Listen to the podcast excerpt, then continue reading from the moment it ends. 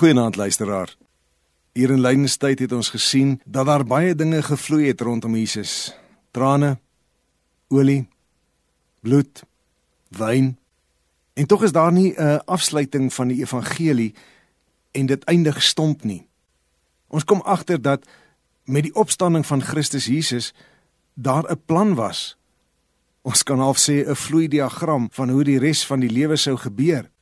Die vroegste kerk laat dit so vloei dat daar tussen 100 en 310 na Christus die kinders van God groei van 20000 na 25 miljoen.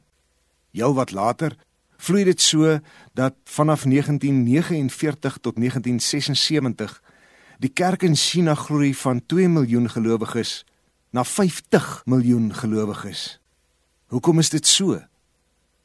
Want dit het nie klaar gevloei nie. Die hart van die evangelie vloei altyd. Die evangelie stop nie by die kruis of by die graf nie, maar gaan oor 'n oop graf waaruit daar 'n vloed kom.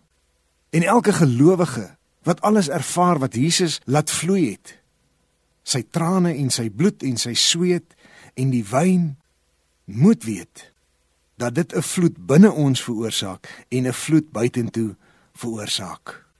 Daar is 'n vloed.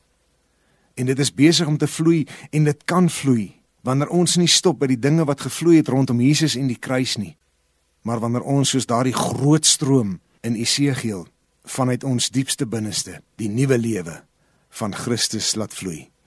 Mag lydenstyd 2019 jou sluise oopmaak. Laat dit vloei. Mag die lewe ook deur jou na die wêreld gaan.